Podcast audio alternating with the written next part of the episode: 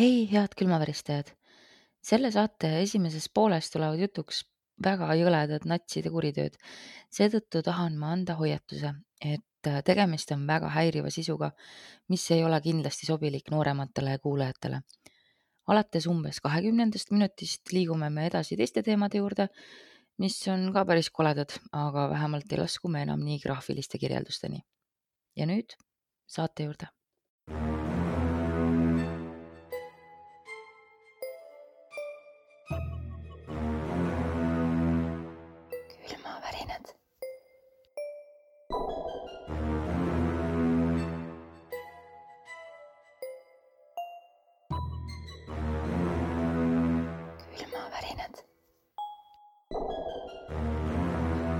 head külmavärinate kuulajad, mina olen Dagmar ja mina olen Heidi ja me lähme täna meie kodukohtasi avastama ja ja me lähme täna kodukohtasid avastama ja kuna materjali sai nii palju, siis te saate kaks nädalat järjest meie kodukohtades äh, meiega võigastel ja kummituslikel radadel kaasa sumbata mm. -hmm.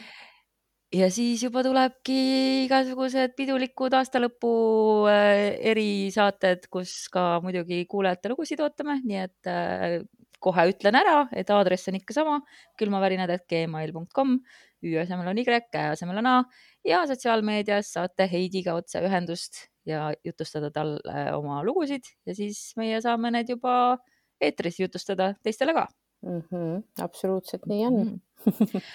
aga hoopis vastupidiselt sellele, kui rõõmsalt me kõlame, ma hakkan kohe pihta äh,. oh õige, ma pidin hoopis alustuseks mitte minema kohe kõige masendavamate teemade juurde vaid rääkima masend... sellest, kuidas ma olen nüüd kogenud viimase paari nädala jooksul elus esimesi kordi luupainet. Kas ma õnnitlen või, või tunnen kaasa? kumb on ma tõesti ei tea, ma, ma ei tea selles mõttes, et äh, ma räägin, räägin siis, kuidas see kõik siin on äh, äh, lahti ennast voltinud, see olukord äh,. mingi kuu aega tagasi või, millal me selle magamistoa ümber tõstsime uh. -huh.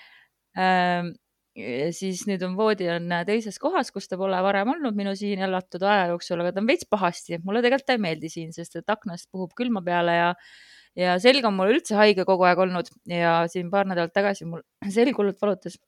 ja, ja siis ma olin siukses, noh, see oligi selline äh, pooluni, et ma olin juba hommikul varakult kella vaadanud ja nägin, et mul on veel aega veits magada.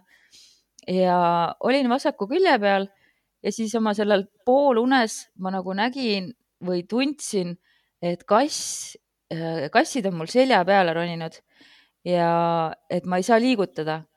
et mu selg on nagu nii lukku läinud, et noh, mul on nii valus, et ma ei saa liigutada, sest kassid on peal ja siis ma palusin oma kallimat, kes oli minu kõrval voodis, et palun võta need kassid ära, aja nad ära, et ma ei saa liigutada, et mul on nii valus ja siis ta nagu mingi naeris, ütles, et issand, kui nõrk sa oled, et kuidas sa ei suuda, siis lihtsalt vaata, kui väiksed need kassid meil on, et lihtsalt lükka ära nad. ja ma lihtsalt anusin, et palun võta nad ära, et ma ei saa liigutada, mul on nii valus, mul on nii, raske ja siis need kassid muudkui surusid ja surusid ja mul oli selg oli täiesti lukus ja see oli nii õudne tunne. ja siis, kui ma lõpuks ennast nagu sain nagu ära väänatud sellest, siis ma ärkasin üles, mul oli, ma magan magamismaskiga, siis mul see mask oli pisaratest jumala märg. ja noh, selg muidugi valutas ka ja siis oli sihuke, ühesõnaga selle ma panin siis noh, ma liigitasin selle siukseks pool luupaineks, sest et et madrats on mul nii kehv, ma tahan uut madratsit ka ja, ja selg valutas ja ühesõnaga noh, aju tegi trikke onju. -hmm. ja muidugi kallim sai naerda, et kuidas ta minu unenägudes alati sihuke tropp on sest et ta päriselus pole üldse sihuke tropp ja siialgi mulle midagi sellist ütleks. noh, olgem ausad, minu mees on ka unenägudes üsna tihti üsna tropp, aga tegelikult on üsna okei okay. ja oi, kuidas siis saab terve päeva pahane olla, vaata just, just, just aga millal see oli nüüd see teine kord, eile või üleeile, kui ma ütlesin sulle, et märkasin nüüd teist korda? noh, see oli nüüd just, just hiljuti. see oli just ja. eile vist. vist oli eile. ja, ja see oli juba natukene lähedasem nendele õudsetele kogemustele, mis meie saatest on läbi käinud niimoodi, et et sel korral ma olin üksinda voodis. kallim oli kas öösel tööl või siis teda ei olnud minu juures. Ja, ja ma ei mäleta, miks ma üles tahtsin ärgata, aga, aga ma tahtsin nagu voodist tõusta, aga ma ei saanud, sest et selja tagant keegi hoidis mind kinni. Ja samas ma nagu ei tajunud, et see oleks nagu see ei olnud nagu õudne minu jaoks väga, et mul käis nagu peast läbi, et aa ah, okei okay,, et see on siis nüüd jälle see luupaine ja ja kusjuures ma üritasin hakata seda kuradi fucking issameiet lugema ja mul ei tulnud meelde unes. ja siis ma lihtsalt tegin jälle seda, et ma mingi omast arust röökisin, et jumal kaitseb mind, jumal kaitseb mind sest see sõna jumal mul tuli meelde. aga need käed olid nagu, nagu siuksed peenikesed. ühesõnaga, ma nagu tajusin ainult seda, et keegi hoidis mul selja tagant õlgade ja käte ümbert nagu kinni ja et need olid siuksed pikad peenikesed hallid käed, aga ma nagu ei, noh, ma nagu ei kartnud, ma lihtsalt olin nagu närvis, et ma ei saa liigutada või sihuke nagu, et ma ei ärganud nagu paanikas, noh, mitte väga suures paanikas, sest ma ei nutnud sel korral. aga kuidagi nagu ma, ma ei tea, see oli hästi-hästi-hästi imelik ühesõnaga. ja siis ma muidugi käisin eile ja tossutasin. mul jooksevad täiega judinad ma saan aru jah, kui ma nüüd seda räägin, siis vist on natuke õudsem. või siis on mul mingi väga tugev sihuke mina. see on üsna õudne ja mm. -hmm nii et ma arvan, et esimene vaba päev tuleb, siis ma liigutan selle voodi ringi ja muidugi ma suitsutasin kõik siin sal-, salveiga ja, ja kõikide asjadega. aga ma lähen siis äh, oma kodukoha loo juurde.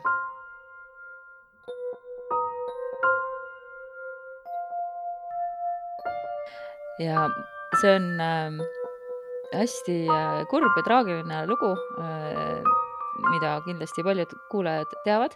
Ja ma ikkagi mõtlesin seda kaasata ühest küljest sellepärast, et kui me käisime kolleeg Triiniga nüüd äh, kummitusi küttimas ja püüdmas neid äh, mm, Spiritboxiga ja nende äppidega, mis mul on, siis äh, sel nädalal pühapäeval äh, panen ma selle video laivi, kus me käisime Klooga koonduslaagris või õigemini mitte koonduslaagris, vaid seal, kus kõik need inimesed hukati ja, ja ma arvan, et sobib väga hästi, kui ma sellel nädalal nüüd siin saates ka selle Klooga loo siis ära räägin.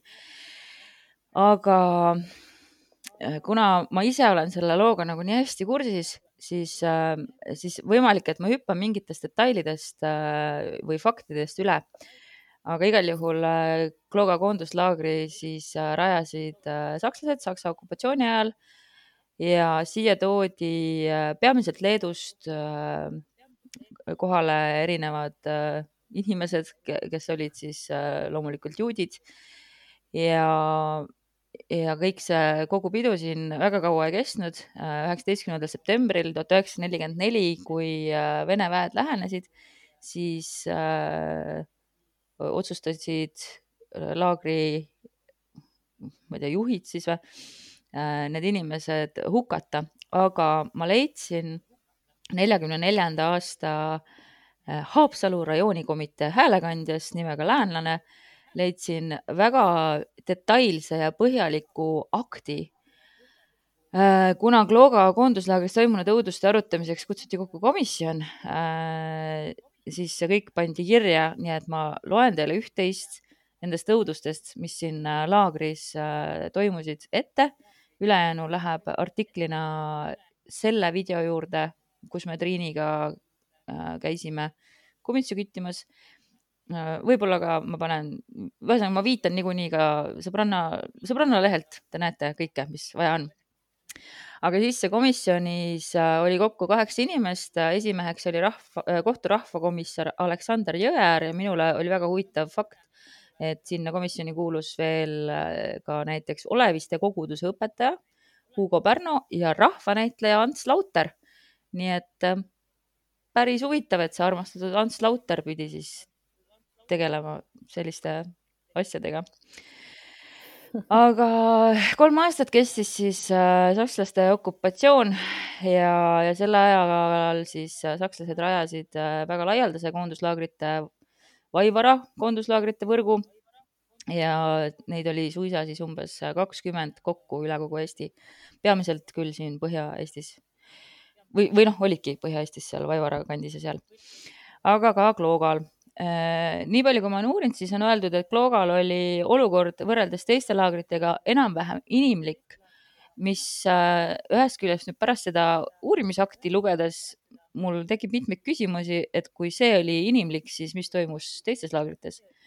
Äh, on muidugi ka, tuleb nagu arvestada, et see neljakümne neljanda aasta akt on, siin on noh, venelased, kes lõpuks selle laagri avastasid või selle, mis oli sellest laagrist järele jäänud Äh, see oli üks esimesi kordi, kui üldse ajaloos äh, Saksa koonduslaagrite õudusi äh, videolindile võeti ja sellest on väga võikaid kaadreid, nii et Nõukogude vägi nägi siin või Nõukogude võim nägi siin ideaalselt võimalust propagandat teha kogu selle materjaliga, nii et ka selles aktis kindlasti on mingi osa propaganda, aga noh, ma ei tea. ühesõnaga siis need, kes ellu jäid, tunnistasid komisjonile, et äh, piinamised, tapmised ja peksmised olid äh, väga harilik nähtus Kloogal. ja kinnipeetavate kohta oli keelatud tarvitada nende nimesid, neid kutsuti ainult nende numbri järgi. see on nii jõhker, see on täiega jõhker, see võtab igasuguse inimlik. hullult ebainimlik ja, ja täpselt igasugune inimlikkus kaob, nagu see ei ole enam inimene, sa oled number. noh, vaata seda on, on ju asinumber. Auschwitzi äh, vangid äh, ka rääkinud, et see number, mis neile tätoveeriti, et see saadab, saadab eluaeg. aga mm -hmm. jah, ühesõnaga siis neid piinati ennekõike üle jõu käivate töönormidega, et kui nad ei suutnud kaheteist tunniga normi täita, siis äh, tavaliselt töötati kuusteist kuni kaheksateist tundi päevas ja muidugi oli äh, toitlustus oli äh, väga kehv, vangid olid väga kurnatud, kehad paistatasid üles ja säilinud Saksa dokumentide põhjal ulatus suremus kuni kümne protsendini kuus, mis on nagu lihtsalt vist sihuke nagu okei okay,, kümme protsenti on sihuke loomulik kadu uh. Mhm. -huh ja koonduslaagrite peaarst Bodman põhjendas seda oma seletuskirjas kehavigastustega ja halbade tervishoidlike oludega aga kehavigastusi, mida, mis põhjustasid siis rohkearvulist suremust, tekitasid kinnipeetavatele töödejuhatajad. ja neid äh, vange siis peksti rusikatega, jalgadega, keppidega, rauatükkidega. ja näiteks äh, nii-öelda siis tähtsamate eksimuste eest, mis olid siis vilets töö, töö ajal puhkamine või ülemuse ees mütsi mitte küllalt kiiresti mahavõtmine selle eest karistati toidu, toidu mhm. äravõtmisega äh, ja kahekümne viie kuni seitsmekümne viie nuudi hoobiga. ma olen näinud pilti ka sellest peksupingist, äh, mis äh, kinnipeetavad ise siis pidid ehitama. see on selline nagu, mis asi see on, üle mille kehalise tunnis hüpatakse, kits või? kits ja. et selline, selline siis, et sinna siis heitis vang kõhuli, võttis kätega ümbert kinni, käed äh, seoti pingi all kokku ja siis jalad seoti nagu selle kitsa jalgade külge. ja siis üks istus äh, pekstava kaelale ja teine hakkas peksma. ja kinnipeetavad pidid siis sellel ajal kas valjusti lugema hoopide arvu või kõvasti isendama ja kes vait oli, siis teda peksti nii kaua, kuni ta karjuma hakkas ja muidugi siis peksti veriseks, aga pärast peksu sunniti tingimata tööle minema.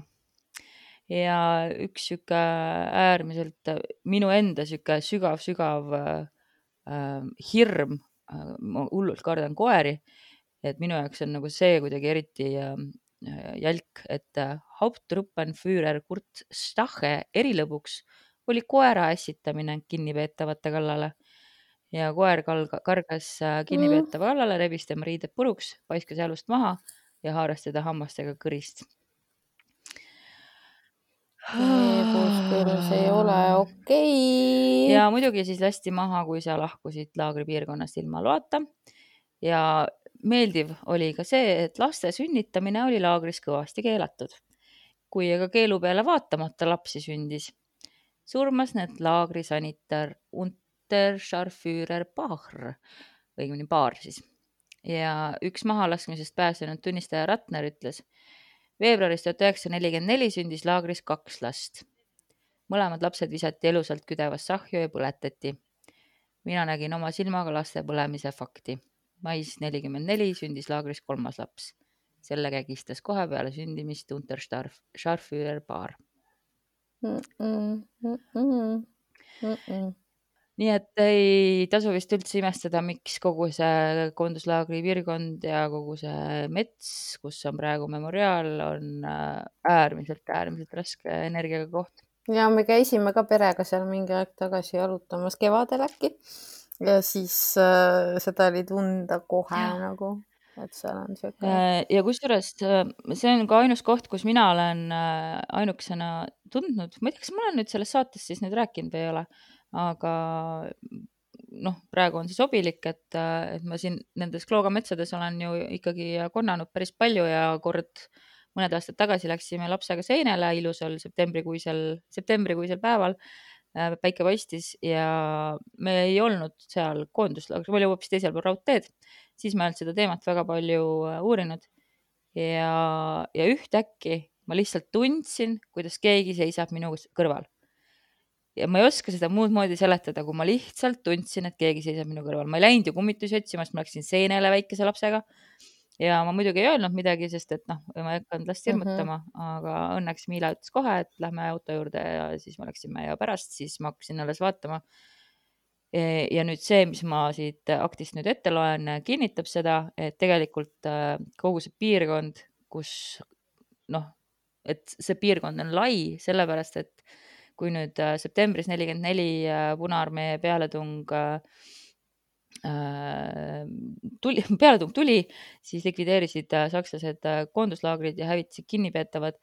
Ja alguses neil jätkus aega, et põletada oma ohvrite laevad peenendada nende kondid ja pillata tuhk põldudele ja laantesse mm.. aga Klooga koonduslaager ja kusjuures see teine, Kalevi liiva, see on ka niisugune koht, kus no seal laagrit eriti ei olnudki, et seal oli lihtsalt mingi niisugune punkt, kuhu sõitis rong ja olid veoautod, osad läksid veoautode peale ja hästi paljud lihtsalt lasti seal maha ja seal Kalevi liival on niimoodi, et noh, tõesti tundlikum inimene, ma ütlen seal, noh, ma ei tea, kas noh, ühesõnaga see on väga-väga väga raske koht, kuigi looduslikult jälle hästi ilus.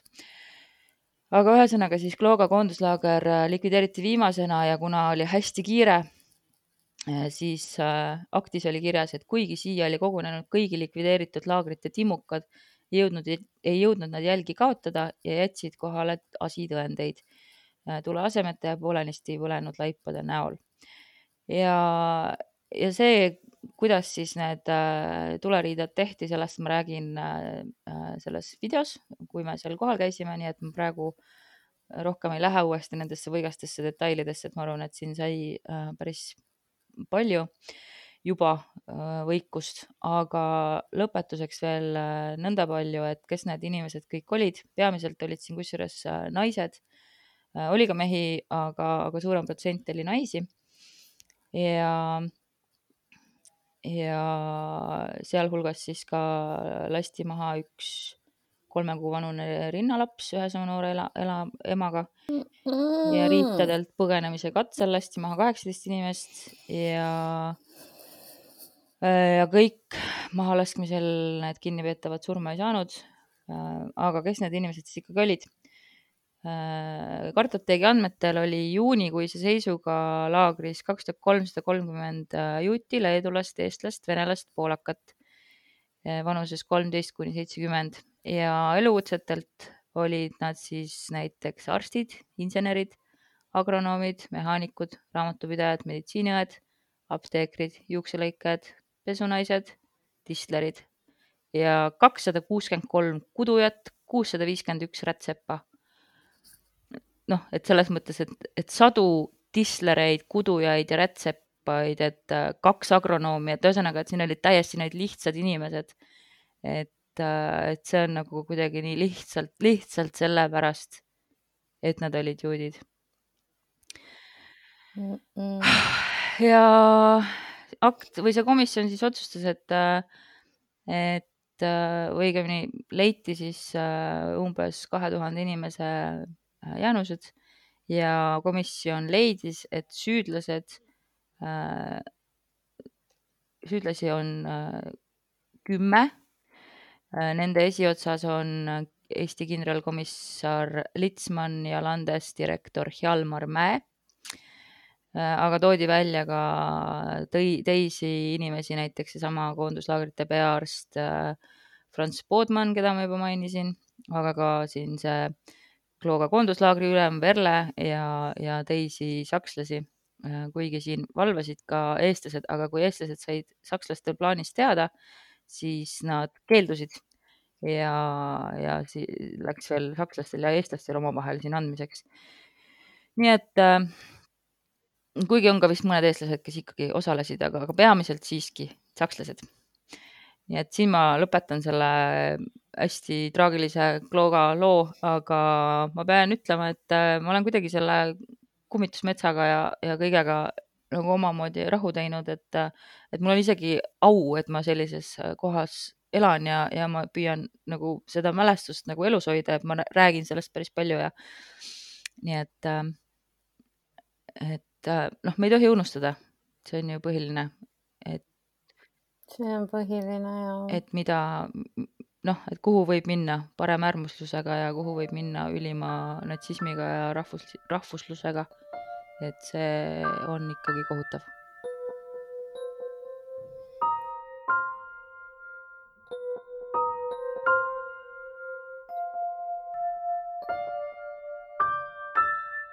me kerime nüüd aega kerime aega edasi ja loodetavasti ei, ei, ei tule jutuks enam massimõrvad. no teeme nii, et täna ei tule siis jah. okei. aga tuleb selline mm, kurb, samas natukene lõbus lugu väga hea, meil on vaja natukene naerda kurb, kurb, samas lõbus mõrvalugu imeline kunagi, äh, kui Heidi väike tüdruk oli, siis äh, tema käis pidevalt äh, sealt kohast mööda, kus see asi juhtus. nii et kõrvad kikki nüüd. lugu algab nii. Kuhu me oleme jõudnud, mõistus ei suuda uskuda.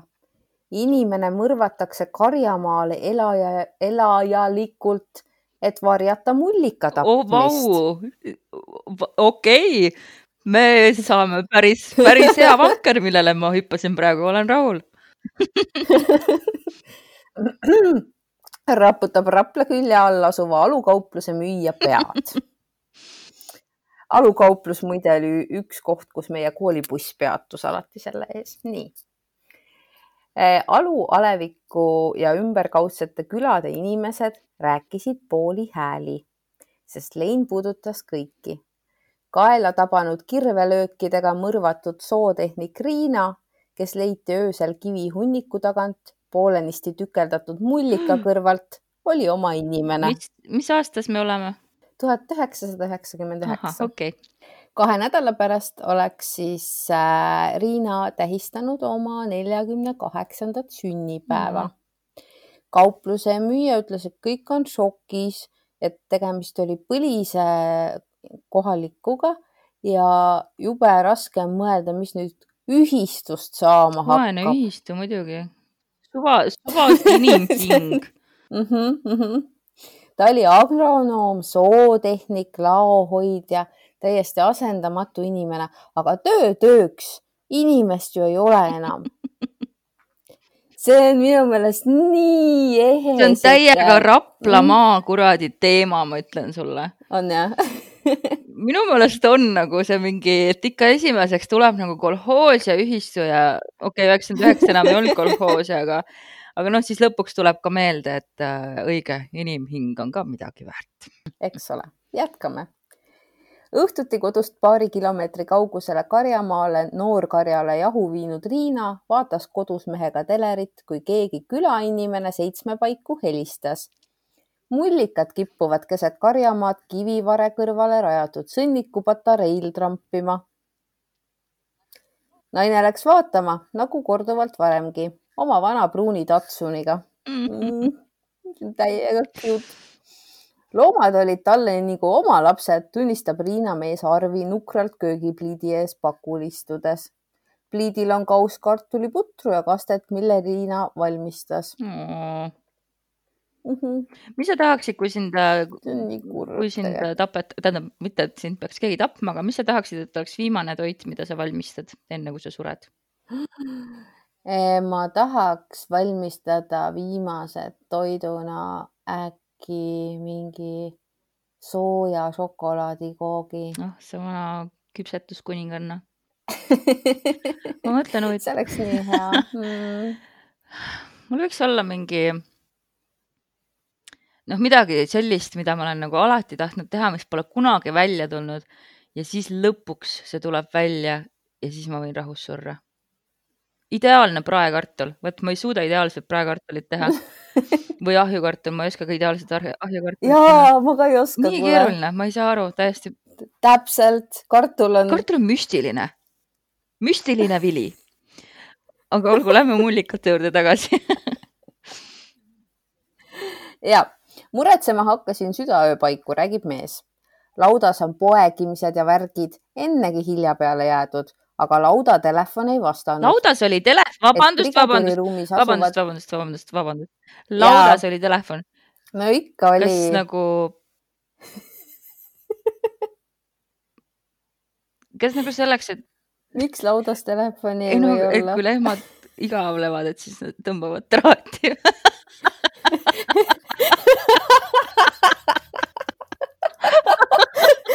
kuhu naaberlauta? joo punik, kuidas läheb? okei okay,, tegelikult ma saan aru, et tõenäoliselt siis kuskil lauda äh, kontoris ja brigaadiri ruumis asus see aa, okei, okei, okei, brigadieri ruumis, no näed, ma teadsin, et laudas on kontor. jaa ja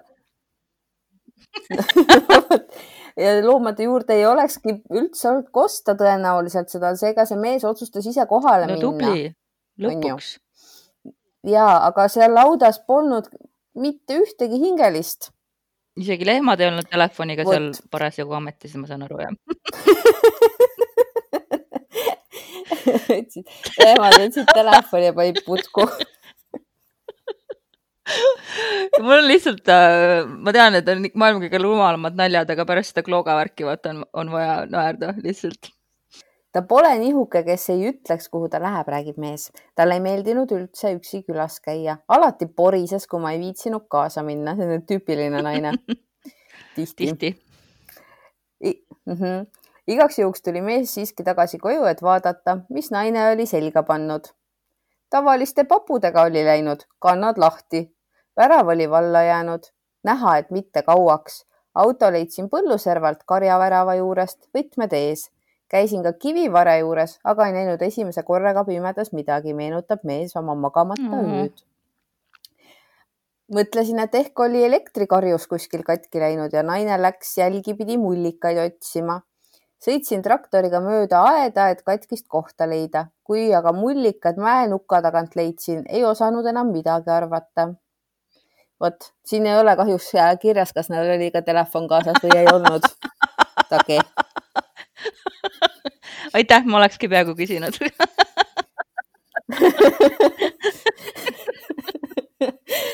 issand jumal.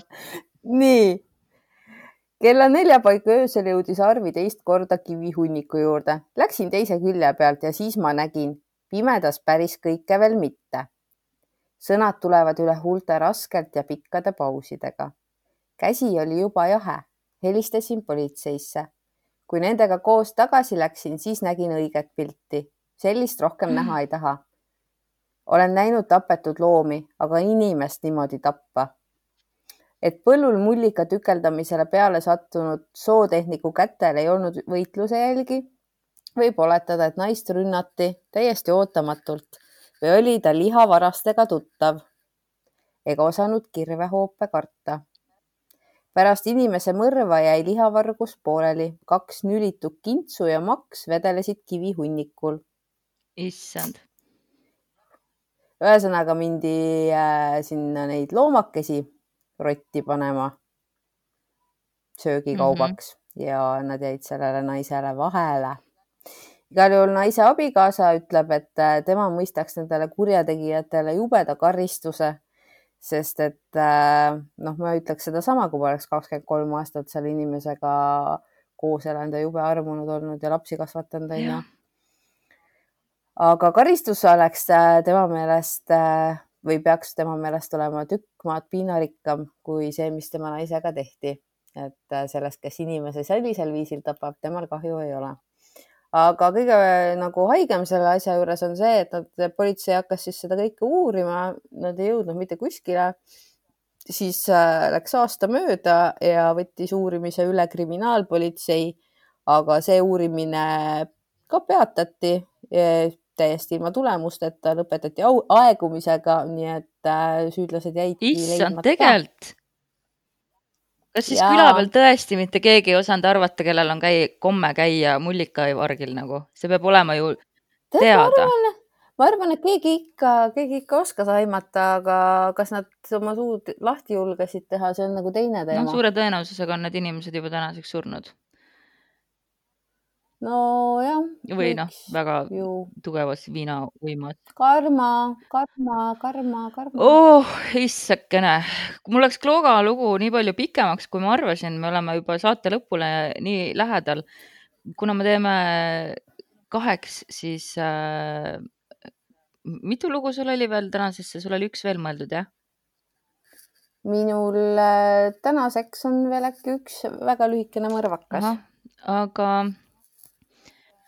ja võib-olla üks kummitus ka, kui soovite ei, ma just mõtlen, et kuidas me nagu jõuame, mul on kummitus, mis on natukene sihuke äh, pikemat sorti. nii, aga siis tee oma pikemat sorti kummitus ja siis vaatame, kas me jõuame mu selle kähkuka mõrva teha või okay. mitte.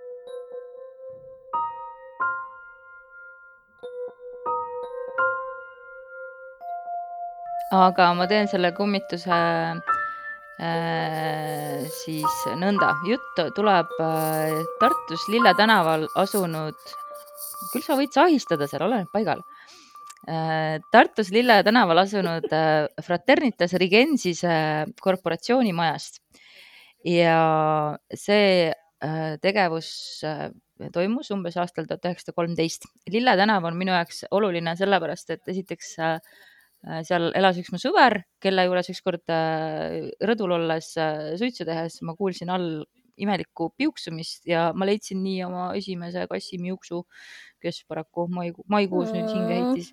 ja Lille tänaval üldse ma lapsepõlves väga palju hängisin ja mängisin. aga ilmselt see konvendihoone sai sõjas siiski hävitatud, nii et ma ei tea, minu teada seal enam küll niisugust maja ei ole aga siis äh, üks toonane tudeng nimega Oswald Hartke on kirjutanud oma mälestustes, et, äh, et konvendis äh, juhtus igasuguseid asju ja tema kord siis rebasena novembrikuus istus hommikusöögitoas koos teiste rebastega ja hommikusöögituba asus siis maja õuepoolsel küljel. Nad ajasid elavalt juttu siis kuulsime kahe hobuse voorimeest ette sõitvat. kuulsime selgesti, kuidas hobused seisma jäädes jalgadega trampisid. siis löödi raske välisuks kinni, nii et vanamoodne kelluke ukse küljes kõlises. sisemine uks tehti lahti, eestoast kostsid sammust, sammud nagu paneks keegi mantlit nagisse. siis tulid rahulikud rasked sammud läbi, läbi mõlema tänavapoolse toa kuni meie toa avatud ukseni. tõusime püsti, et tulijale vastu minna, kuid meie imestuseks polnud seal kedagi. ka polnud maja ees mingit voorimeest mm otsisime kõik toad läbi, arvates tegu olevat mingi viguriga, kuid kedagi polnud. ja kui nad siis järgmisel päeval lõunalauas teistele rääkisid, siis kõik äh, naersid. must mees tuli teid hoiatama. meil pole ju kunagi olnud nii rumalaid rebaseid kui teie. ja siis selgus, et see musta mehe fenomen on tudengite hulgas nagu päris äh, hästi tuntud. ja et mõnedki on kuulnud musta mehe samme. ja, ja siis Äh, tuhat üheksasada viisteist aasta veebruaris juhtus täiesti hull lugu. istusime viiekesi konvendi kaminaruumis, väljas oli jäiselt külm ilm, erilist tuju meil polnud, me ei viitsinud enam ei konvendis olla ega ka koduteele asuda. lõpuks tõime keldrist lagedale viis pudelit punast veini ja tegime kaminasse tule, issand kui klassikalised üliõpilased. Aga see kõlab Jaa, nii hästi, ah. ma nii tahaks seda teha, aga kaminat ei Viis ole. viis pudelit punast veini. Oh,, niisugune peavaluga mõnus. Äh, olemine läks suvasemaks ning otsustasime jääda senikauaks, kuni pudelid tühjad. sama, ma ütlen, sama Oskar või Osvald või kes sa olid mul siin, Osvald. Äh, nii, pudelid tühjad. igaüks meist pidi rääkima mõne jubeda loo, võib-olla selleks, et võiksime kartmist õppida. räägiti igasugu lugusid, kuni lõpuks oli viimane pudel tühi, kell löönud kaksteist ja tehtud mõned naljad vaimude tunni ja musta mehe teemal õhtu oli ennast nii-öelda ammendanud ja hakkasime laiali minema. siis küsis rebane Müllerni mööda minnes, aga mis te siis teeksite, kui aknaluugid järsku lahti läheksid ja Puškini uppunu sisse vaataks? sel samal hetkel kargasid aknaluugid pauguga lahti ja hele kuu siras tuppa mäletan veel praegugi selgesti, kuidas mu juuksed peas püsti tõusid, justkui keegi koguks nad kokku ja tõstaks ülespoole mm. -hmm. õudne tunne. Ka neli ülejäänud tundsid ilmselt midagi sarnast, sest me kargasime püsti, lahkusime kibekiirelt toast, haarasime oma mantlid, tõmmates need selga alles tänaval. nõnda kiire oli meil majast väljasaamisega. kõik kargasid Rebane Müllerile kallale, et mis nalja ta meiega teeb kuna ta kõik etteheitedega raudkindlalt tagasi tõrjus, läksime õuele, et teha kindlaks, ega ometi ei olnud tegu hallutsinatsiooniga ning aknaluugid on ikkagi kinni. kuid aknaluugid olid tõepoolest lahti, aga mitte nii, nagu kord ette näeb, ilusasti haagis, vaid nii, nagu oleks tormihoog nad lahti tõmmanud, üks luuk rohkem lahti kui teine. uurisime seina ja vundamendi serva, millele oleks pidanud ronima, et luukideni ulatuda. sein oli härmas, ka väiksemgi sõrmepuudutus oleks jätnud jälje, kuid mingeid jälgi polnud polnud ka tuult, oli vaikne pakaseline mm. ilm. niisiis läksid tudengid kõik mõtlikult koju ja nad ei saanud kunagi teada, mis tegelikult juhtus. Väga müstiline mm. -hmm. ja Lille tänav on sihuke äh, hästi mõnus sihuke äh, Lillemägi on seal äh,, noh, ühesõnaga Lillemägi, Lillemäe kõrval on Lille tänav ja ta on minu meelest veel aga nüüd vist enam ei ole, aga minu lapsepõlves ta oli veel Munakivi tee, sihuke läks kergelt nagu Mäkke. ühel pool oli nojah, park vist siis kahekümnenda sajandi alguses ei olnud, aga minu ajal oli seal park. Et ühesõnaga sihuke mõnus romantiline Karlova ja kesklinna piiril asunud äh, tänavake, mitte väga kaugel, kusjuures sellest mm. majast, äh, mm, kus meil oli see torukübar ja hall ja need armsakesed, äkki vaata, võib-olla see must mees, kes äh, kollitas seal konvendihoones. Kui konvendihoone, mingi sõber kui konvendihoone sõjas ära pommitati, siis lihtsalt kolis paar maja edasi sinna, Kalevi tänavasse. Aa, võib ka olla see on ju väga loogiline minu meelest see täiesti sada protsenti ainult, ainus variant ongi, et see võiski ja, täpselt nii olla. nii et äh, lahendasime ka toru, torukübara ja halli mõistatuse. juhuu! nii, kas, kas me teeme mõrva teeme mõrva kähkuka ja siis ma lõpetan kaherealise kohutavalt naljaka looga. Davai, teeme nii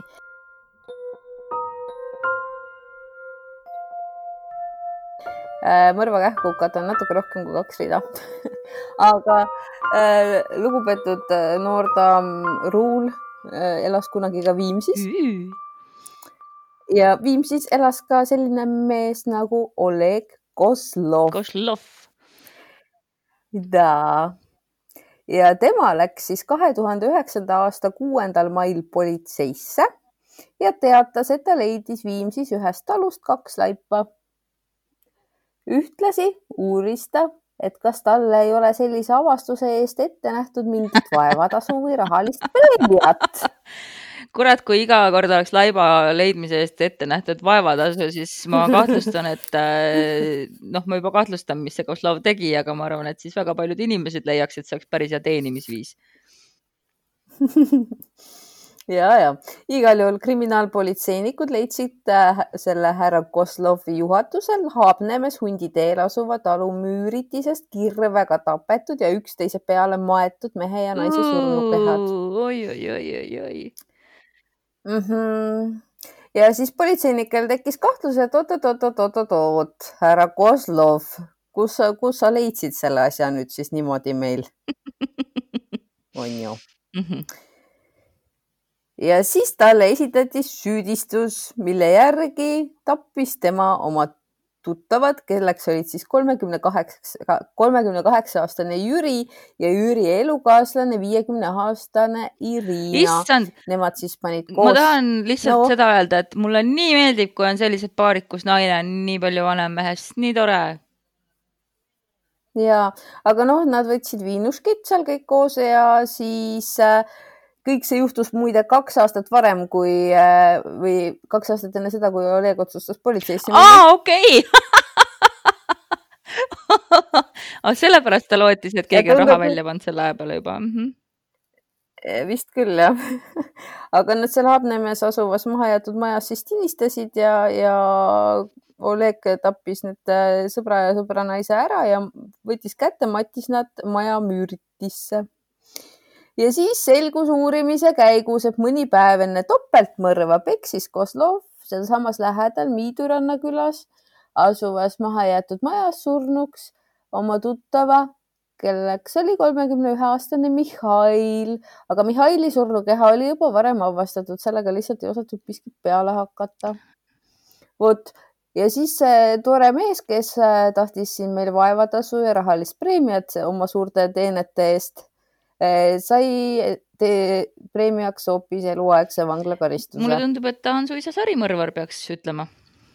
jah, võib ka nii öelda. ja väga tüüpiliselt äh, läheb eluheidikute kallale, kuigi ta ilmselt ise oli ka sihuke eluheidikute piirimaal